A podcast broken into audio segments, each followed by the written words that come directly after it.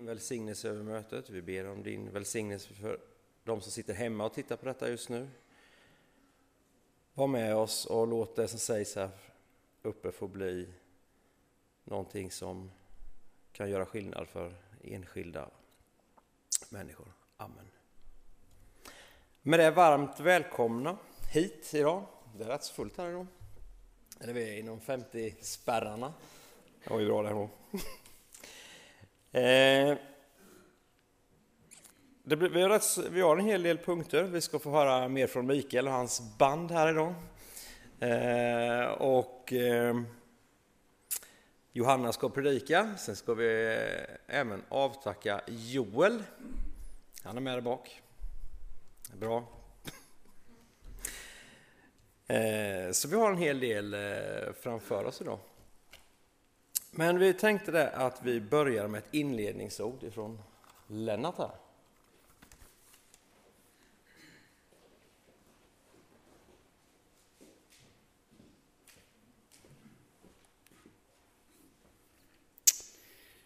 Då vill jag läsa inledningen från Apostlagärningarna 24, 10-16. Och det är Paulus försvarstal inför ståthållare Felix i Caesarea. På ståthållarens tecken tog Paulus till orda. Jag vet att du i många år har varit domare för detta folk och därför är det med tillförsikt jag försvarar min sak. Du kan själv förvissa dig om att inte mer än tolv dagar sedan jag kom upp till Jerusalem för att be i templet. Varken där eller i synagogorna eller ute i staden har ni sett mig diskutera med någon eller hetsa upp folk. Och de kan inte heller inför dig styrka sin anklagelse mot mig. Men jag erkänner att jag följer vägen, som de kallar för sekt, och att jag på detta sättet tjänar vår fäders Gud, samtidigt som jag tror på allt som lagen säger och allt som står skrivet om profeterna. Jag hyser samma hopp som dessa mina anklagare, att Gud ska låta både rättfärdiga och orättfärdiga stå upp från de döda. Därför strävar också jag efter att alltid ha ett gott samvete gentemot Gud och människor. Vi ska be tillsammans. Ja, tack Fader för att vi får känna att vi är i din famn idag. Att vi får vara lyssnande och höra ditt ord och känna att det sjunker in till oss. Att vi känner att det är något för dig, Herre. Låt ditt ord gå igenom så vi känner att vi kommer vidare med dig, Herre. Var med oss alla nu, Herre. I ditt namn. Amen.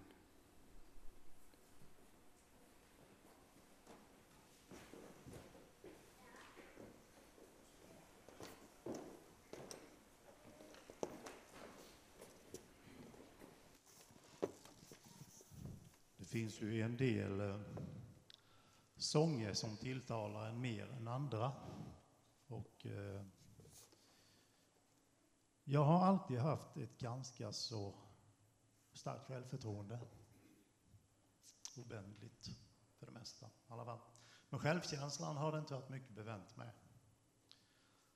Så den här sången har eh, talat till mig när jag behövt det.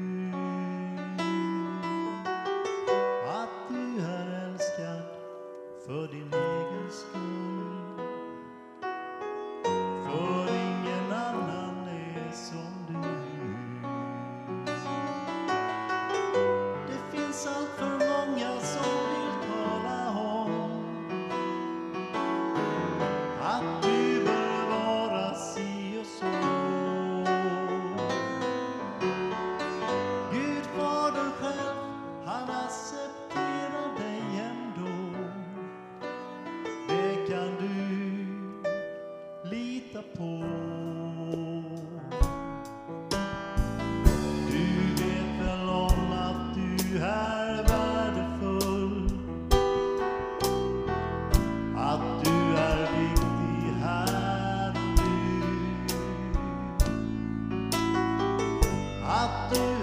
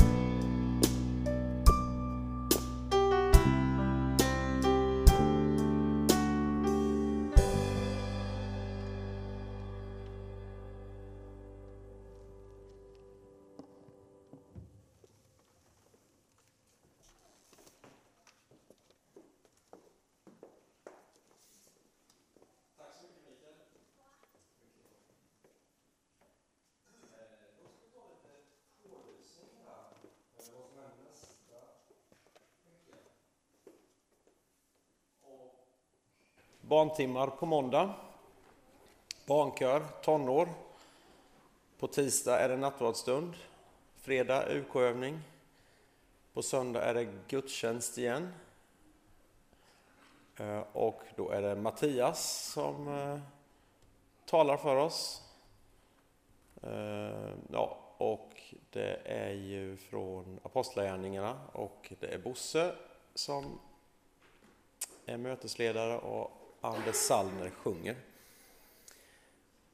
Någonting mer som händer som någon vill säga så, så säg det nu.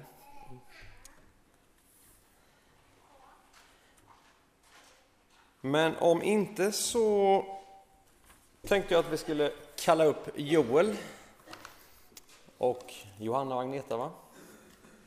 Så ska vi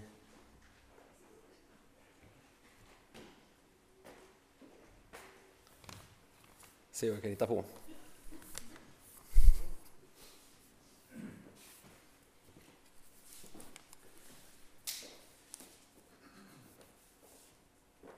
Jaha, vem vill vara först?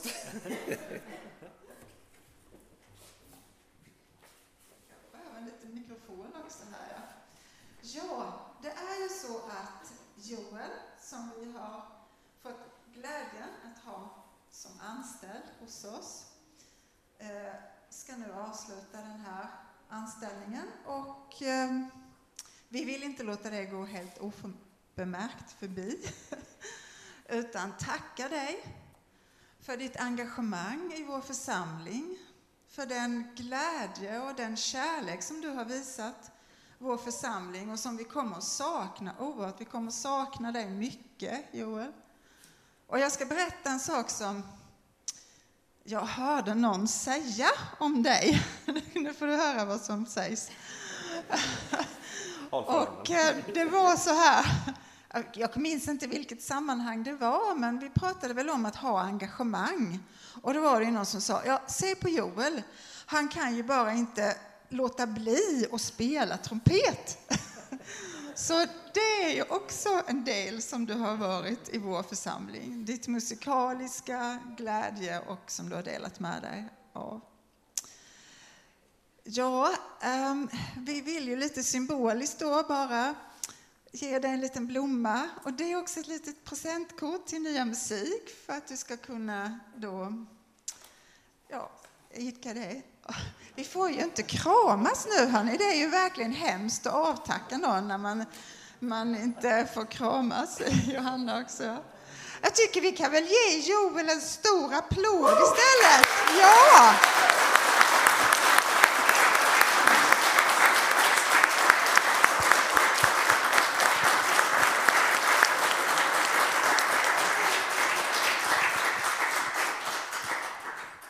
jag instämmer med dina fina ord och eh, jag vill också säga tack. Ehm, det har varit en förmån, det har varit roligt och eh, utmanande och intressant att jobba tillsammans. Vi har ju pratat mycket du och jag och jag känner att det har ja, men, hjälpt mig också att växa i min roll. Så jag är också väldigt tacksam för samarbetet. Ehm, och vi hade ju sökt pastor ganska länge ehm, när du kom. Eh, och det var ju som ja, men berättelsemannen som hittade en skatt i sin åker. Liksom. Det fanns ju närmare än vad vi hade trott och tänkt. Och så kom du. Och det är vi jätteglada för. Um, och det har känts som att du har haft en, en inställning att verkligen gå in och tjäna. Uh, en frågande inställning, vad behöver vi här och hur kan jag finnas i det? Och det har varit jättefint och välsignat. Um, och jag känner också att eh, det har varit roligt, för du har haft sådana uppenbara gåvor eh, som jag inte har, känner jag. Och har, vi har kompletterat varandra fint. Både det här med musiken och allt fint arbete som du har gjort i skolkyrkan med våra äldre medlemmar, också med andakter.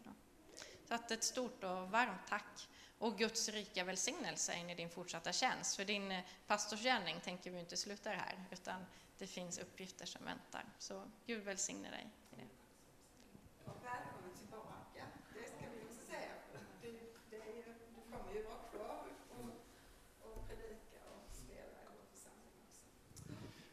Ja, jag vill tacka er alla. Det har varit en fantastisk tid verkligen. Och eh, när jag tänker på vad den här tiden har varit, vad vi har gjort tillsammans, så är det verkligen någonting som har fört oss samman. Och jag funderar på vad är det egentligen som gör att vi får det här speciella bandet?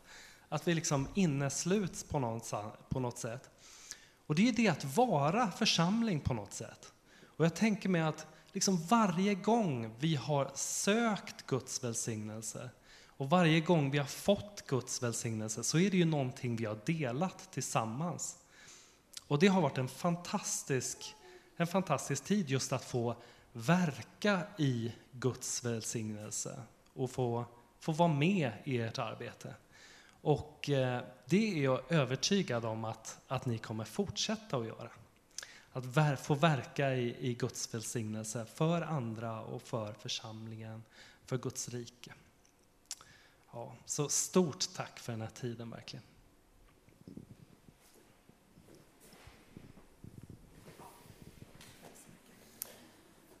Tack så mycket Joel. Så. eh, så gör vi. så gör vi. Då så. Nej men Joel, alltså din humor kommer vi sakna, för den är ju, det är ju kul att prata med Joel. Det, det är ju precis så va. Och med det så, Johanna, välkommen upp och dela det du har.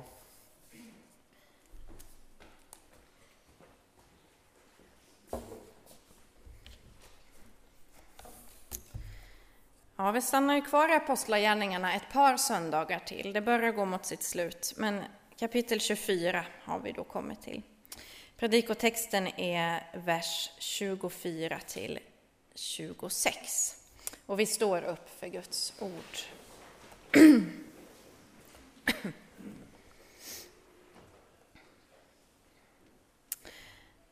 Några dagar därefter infann sig Felix tillsammans med sin hustru Drusilla, som var judinna. Han lät hämta Paulus för att höra vad han hade att säga om tron på Kristus Jesus. Men när Paulus började tala om rättfärdighet och försakelser och den kommande domen blev Felix förskräckt och sa Det räcker för den här gången, men jag ska kalla på dig när jag får tid. Samtidigt hoppades han att Paulus skulle erbjuda honom pengar och därför lät han ofta hämta honom för att samtala med honom. Vi ber.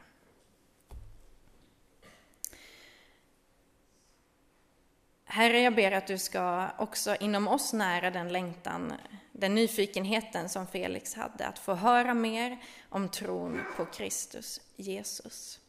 Herre, men hjälp oss att fortsätta lyssna, att inte bli förskräckta, utan vilja, våga höra mer. Vi tackar dig för ditt ord och vi ber att du ska skriva in det i våra hjärtan och låta det få bära frukt i våra liv. Amen.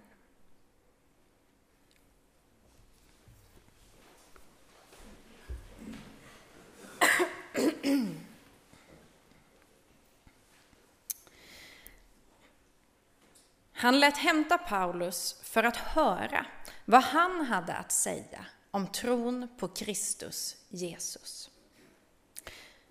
Men när Paulus började tala om rättfärdighet och försakelser och den kommande domen blev Felix förskräckt.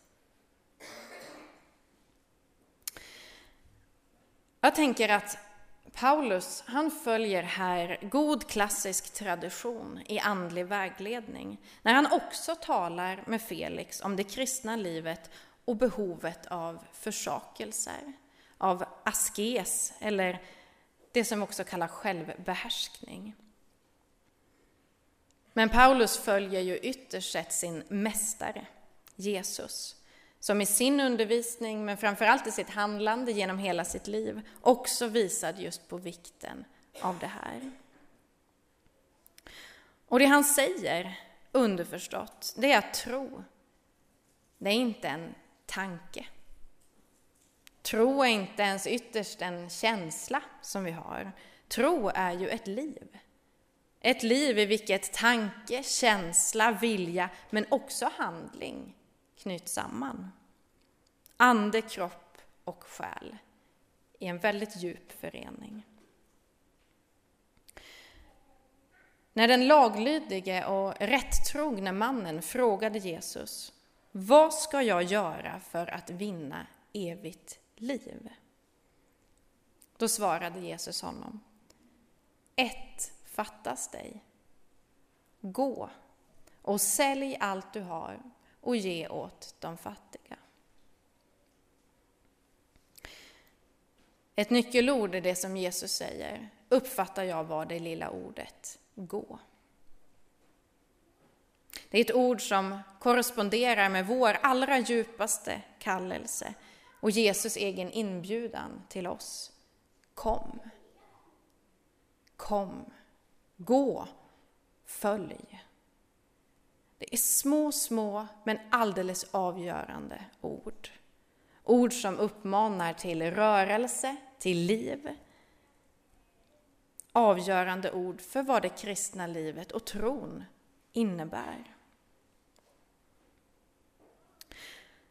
Tyvärr så har nog protestantisk väckelse haft ett väldigt ambivalent förhållande till det här talet om försakelse, om askes, om helgelse, att gå vägen. En stark betoning av tron alena. Det har ibland gett ett intryck av att tron kanske framförallt är en ståndpunkt, en intellektuell övertygelse eller en upplevelse i vårt känslospektra. Jag tror att man har varit rädd för att tal om askes eller försakelse ska leda till en gärningslära som på något sätt fördunklar Jesu försoningsverk. Men genom det har man samtidigt förlorat något av kroppsligheten i tron. För inkarnationen, Guds människoblivande, vittnar ju för oss om en tro med händer och fötter. En tro med ögon och öron.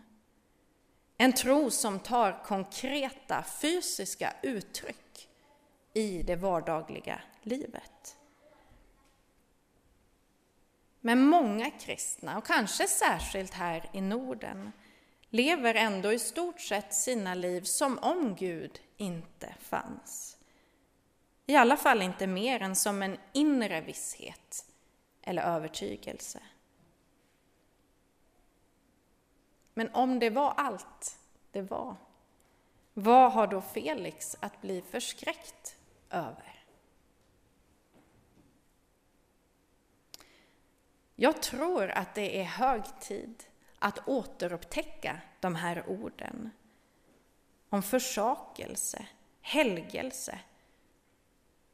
Inte för att skrämma, inte på något sätt, men kanske för att väcka. När vi hör och förstår att psykisk ohälsa breder ut sig och sökandet efter mening kanske är starkare än någonsin, då hör vi också frågan som ställdes till Jesus eka i vår samtid. Vad ska jag göra för att vinna evigt liv? Ett sant liv. Ett bärkraftigt, djupt meningsfullt liv. Svaret från Jesus, från Paulus, från den kristna traditionen talar då om ett förvandlat liv. Inte i första hand någon intellektuell övertygelse som vi landar i, utan ett liv i rörelse och i handling. Den andliga vägledningstraditionen talar ett tydligt språk. Att den som inte är villig att gå en yttre väg kommer aldrig heller att göra framsteg på den inre vägen. Men det här är ju ett tal som Felix, och jag tänker också det moderna projektet, vänder sig mot. Trots att varje erfarenhet bekräftar dess sanning. Vår tidsanda intalar oss att vi kan få allt och vi kan också få det utan någon större ansträngning. Vi älskar ord som snabbt och smidigt och enkelt. Nytt, bara ett klick bort, kärlek vid första ögonkastet. Jag har svårt att se att någon skulle bli direkt tilltalad av en annons som lockade med orden men pröva det här, det är både tidskrävande och ansträngande. Det kräver stora uppoffringar och du kommer troligtvis inte heller se några tydliga resultat. Men visst är det ändå en beskrivning av det liv som Jesus inbjuder den laglydige och rättrogne mannen till. Visst är det en ungefärlig sammanfattning av vad Paulus också försöker förmedla till Felix. Men trots att vi, och kanske särskilt i vår tid, har så svårt för det här, så vet ändå varje människa innerst inne att om man vill nå det bästa, det godaste, det sannaste och det allra mest värda, då finns det ingen annan väg. 10 000 timmar sägs det ju lite slarvigt sådär att det krävs för att bli ett proffs. Det kanske är ungefär så många timmar som Niklas Hjalmarsson har stått och skjutit puckar. Det var kanske några fler som lyssnade på den här intervjun med Armand Duplantis som var på Skavlan förra veckan. Och där talade han ju om vilken oerhört mentalt krävande sport stavhopp är. Han berättade att han började träna när han var tre år gammal. Och man kan ju bara föreställa sig hur mycket han har investerat i det här, av tid, av energi, kraft och vilka uppoffringar han måste ha gjort. Och han talade i intervjun om vikten av att ha fokus på dit man vill komma och hela tiden sträva för att nå längre. Och när jag hör det så tänker jag att det här är ingenting som han bara gör i sitt huvud, utan han gör ju varje dag konkreta, fysiska, praktiska val för att nå dit som han vill. Och jag tror inte heller att det är en slump att Paulus själv också väljer just bilden av ett fysiskt lopp för att beskriva vår strävan i tro. Han skriver i Filipperbrevet 3. Tro inte att jag redan har nått detta och redan blivit fullkomlig, men jag gör allt för att gripa det, när nu Kristus har fått mig i sitt grepp. Bröder, jag menar inte att jag har det i min hand, men ett är säkert.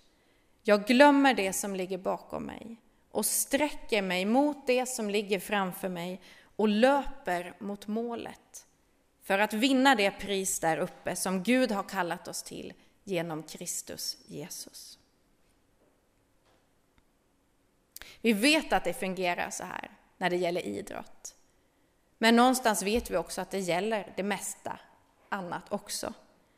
Vänskap, studier, arbete, intressen och kärlek. Det kräver uppoffring för att nå det bästa, det godaste. Och det här som lockar med snabbt och smidigt, det kommer inte att ge oss den frukt som bär i det långa loppet. Det är som snabba kolhydrater. Det stillar suget här och nu, men i längden ger det oss hunger och törst. Men trots att vi vet att det är så, så är vi av någon anledning så ovilliga att applicera det på vår tro och på livet med Jesus. Någonting har någon gång intalat oss att våra egna ansträngningar på något vis är oväsentliga i det sammanhanget. Kanske har det att göra med att eftersom att vi har fått tron som gåva, den har vi fått av nåd, vi har fått den gratis, så är det det sant. Då kanske vi också tänker att ja, men då stannar det också kvar hos oss. Då lever det sitt liv helt utan vår egen insats. Men hur kan det då vara så att så många idag beskriver att de förlorar sin tro? Att man tappar sin tro? Menar man då att Gud har tagit ifrån dem deras tro? Eller att det helt enkelt inte var sant, det höll inte? Ja, om man har reducerat tron till något sorts intellektuellt försanthållande, då kan det ju stämma att man kan tappa det, man kan förlora det. Men om det är någonting mer?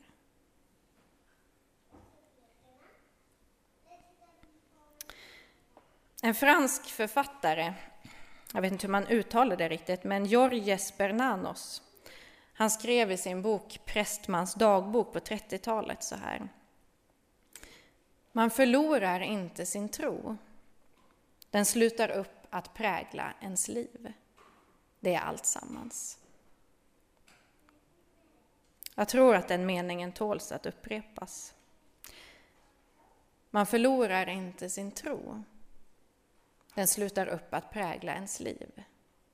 Det är allt sammans.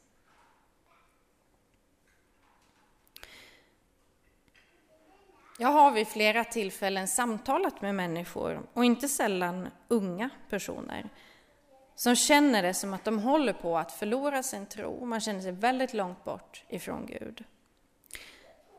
Men talande nog så har de själva svårt att se att det som de ofta konkret håller på att förlora, det är kanske inte tron, utan sammanhanget som gav tron näring. I samtalet så kan man nog försiktigt fråga lite, men brukar du be? Gör du det regelbundet?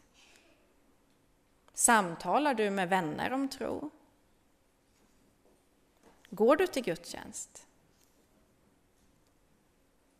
Läser du Bibeln ibland? Har du någon form av bönegemenskap alls?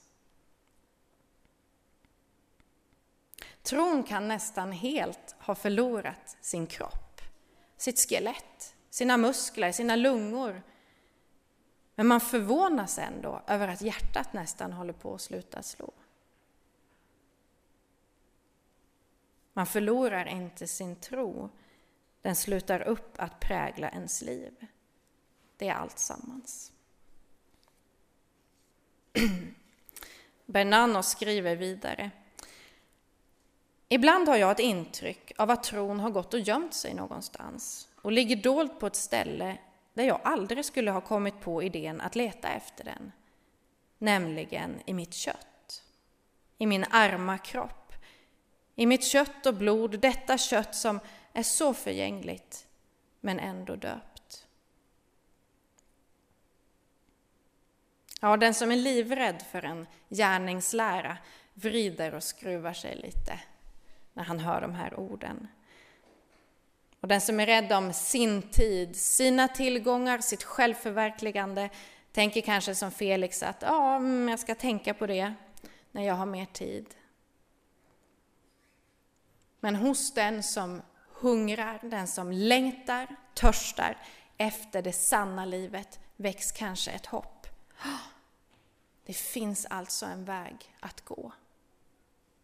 Jag är inte helt utlämnad åt mina egna övertygelser, mina flyktiga känslor. Det finns en konkret väg att gå. En person att fysiskt följa. Det finns händer av kött och blod att knäppa, det finns knän att böja. Det finns en gemenskap av riktiga människor att möta. Kristi kropp och blod i min strupe, i mitt liv. Ett Guds ord i mina händer. Men de här orden skrämmer Felix. Det räcker för den här gången, och jag ska kalla på dig när jag får tid, säger han, för han förstår ju. Han inser vad orden om försakelse innebär. Att jag kan inte få allt detta och allt det andra också. Den där makten jag eftersträvar, lyxen, kvinnorna, det lätta livet. Det är varje dag ett val. Det är ett offer. Peter Halldorf skriver Ordet försakelse av grekiskans enkrateia syftar på att avstå något gott för att nå det högre goda. Askes betyder övning och de två orden hör ihop. Vi behöver öva oss att dra gränser för vårt liv. Utan askes och försakelse kommer våra behov att breda ut sig ohämmat. Livet blir en vildvuxen trädgård istället för att vara ett varsel om paradiset. Det är ett väldigt vackert uttryck tycker jag ett varsel om paradiset. Och tänk om det är sant, att våra liv här på jorden skulle kunna få beskrivas så. Det är ju vad mannen frågade Jesus om. Hur gör jag för att nå dit? Och det är nog vad Felix innerst inne också undrar när han ber Jesus kom och berätta för mig om tron på Jesus. Men han värjer sig för svaret som Paulus ger. Ett varsel om paradiset. Hur? Ja, Jesus har själv sagt det. Och hans ord var inte tänk så här, utan kom. Följ. Gå. Ja, men varför ska vi göra det?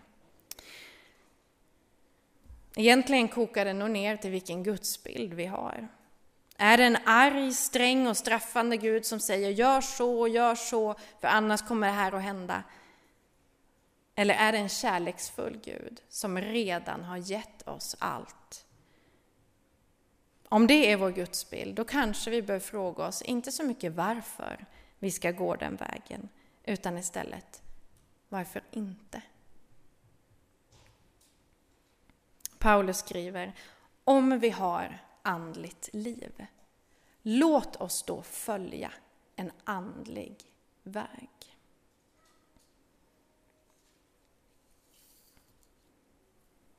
Vi knäpper händerna och ber.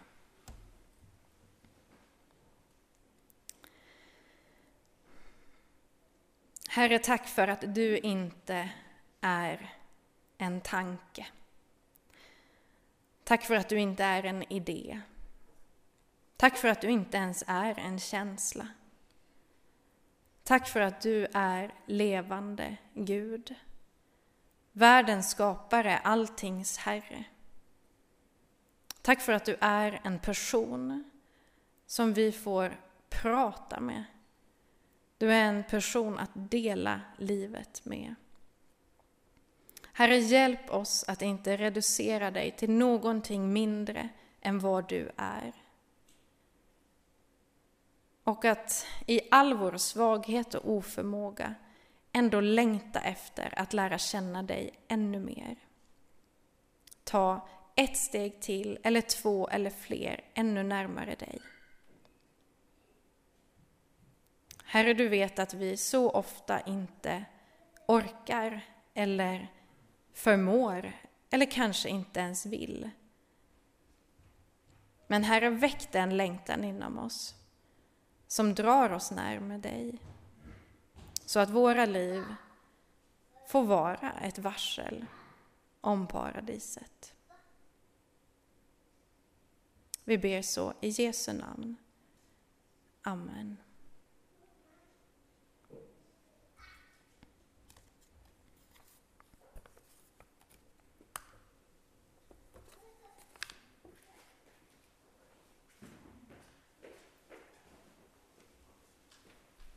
Tack Johanna.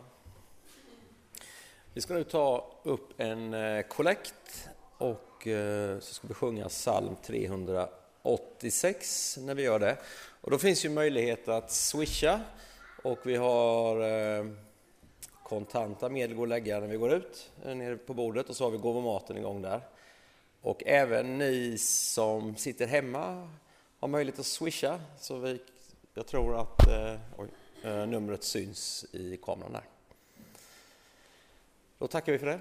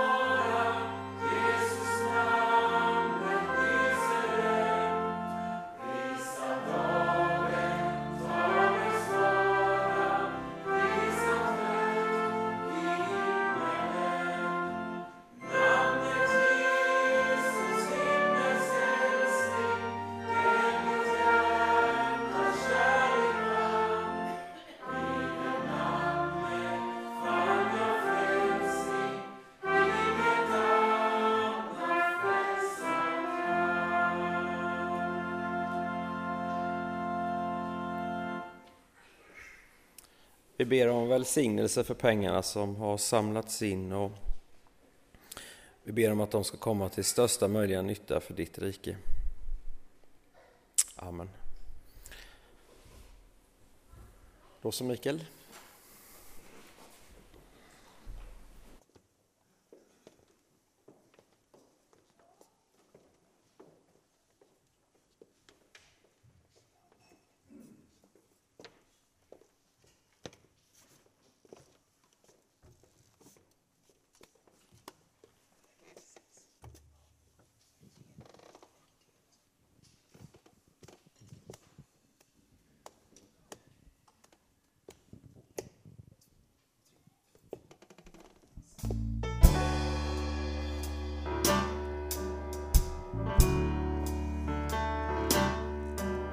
Han ger mera nåd när min börda blir större. När arbetet växer, mer kraft han beter. Vid ökade trångmål, hans kärlek fördubblas när prövningar möter sin frid han mig ger. Hans kärlek är gränslös, hans nåd är oändlig. Hans kraft ingen människa utforskat än. Och av sina väldiga eviga skatter han giver och giver och giver igen.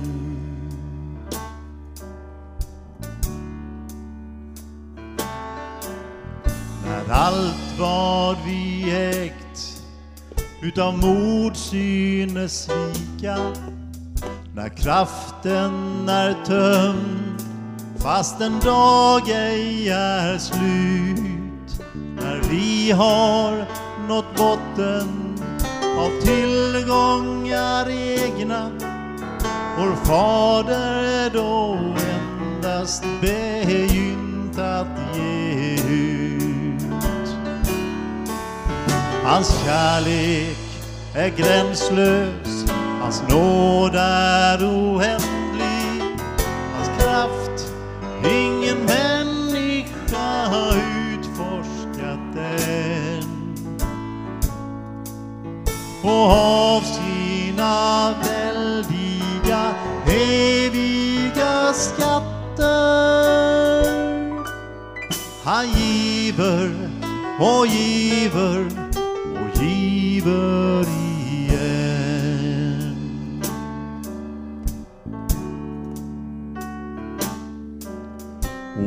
Jesus, för dig vill jag öppna mitt hjärta. I tro ta emot av de skatter du ger och sedan ge ut. För ju mera jag giver så strömmar välsignelsens floder nu ner. Hans kärlek är gränslös, hans nåd är oändlig, hans kraft ingen människa utforskat än. Och av sina väldiga skatter han giver och giver och giver igen. Hans kärlek är gränslös, hans nåd är oändlig, hans kraft ingen människa utforskat än. Och av sina väldiga eviga skatter.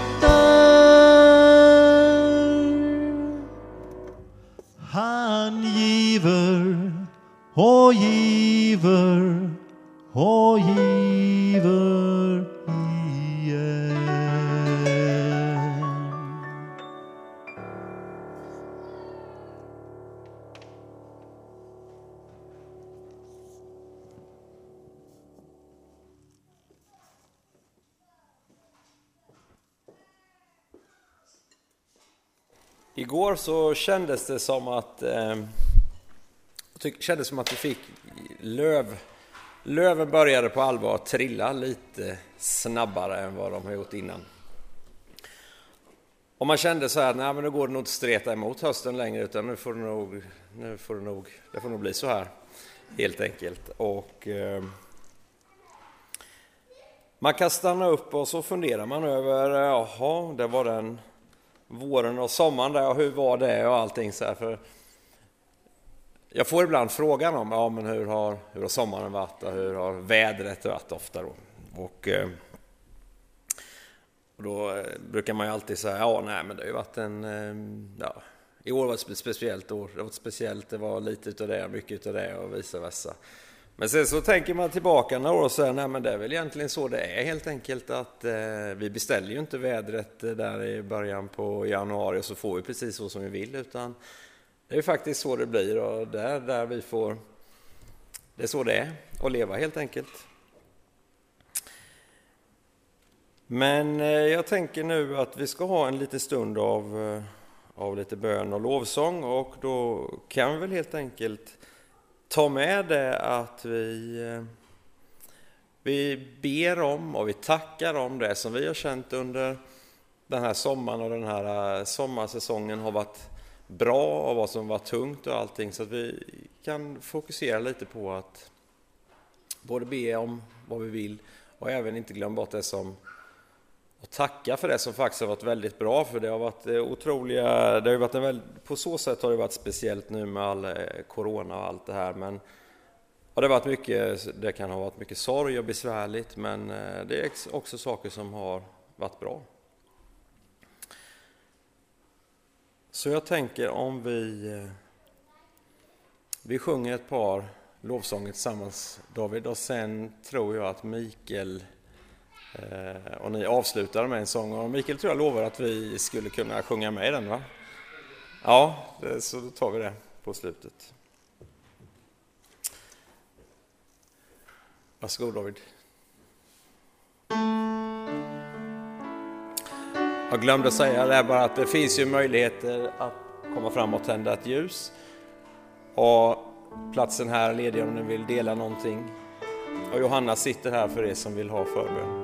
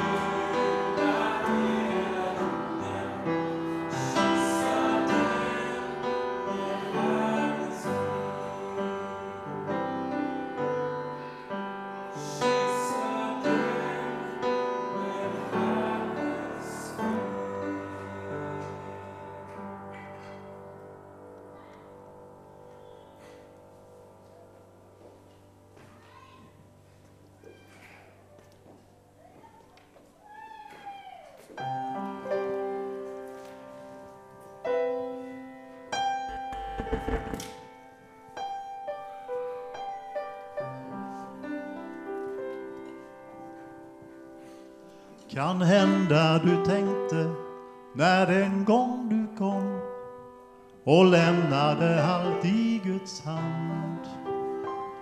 Jag stannar för evigt, o Herre, hos dig. Du gav mig trots synder och band.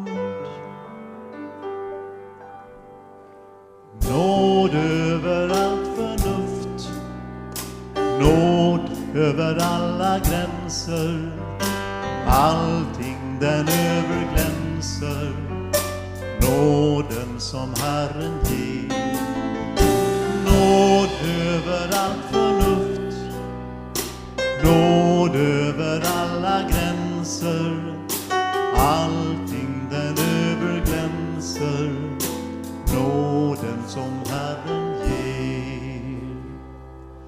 Kan hända du tänker att lämna din Gud. Det kan aldrig mer bli som förr. Förvånad du ser fast du brutit hans bud och just tänker stänga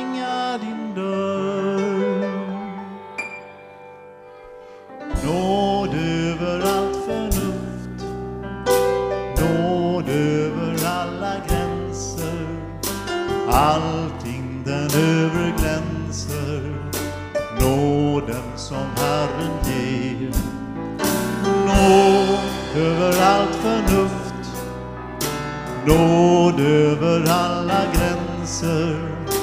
Allting den överglänser, nåden som Herren ger. Jag prövat min Herres barmhärtighet här månghundrade gånger jag tror och själv ska du finna när ångesten tär och synden känns nattsvart och stor.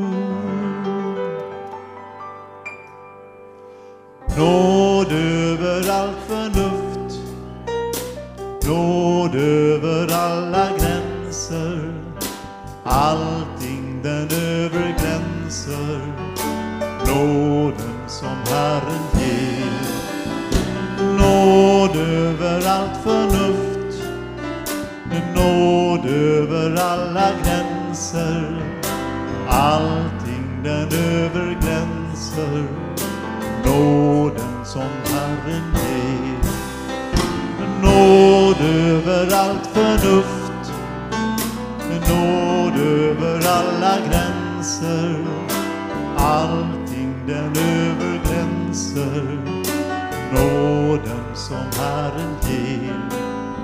Ja, nåd över allt förnuft, nåd över alla gränser. Allting den överglänser, nåden som Herren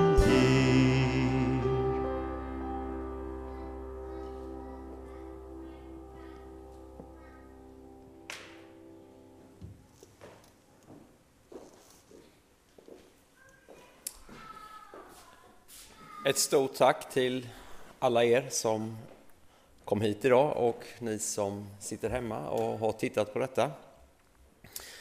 Eh, tack till alla medverkande, ni finns överallt här. Tack Johanna. Eh, jag tänker att Johanna tar med sig välsignelsen och sen så avslutar vi där.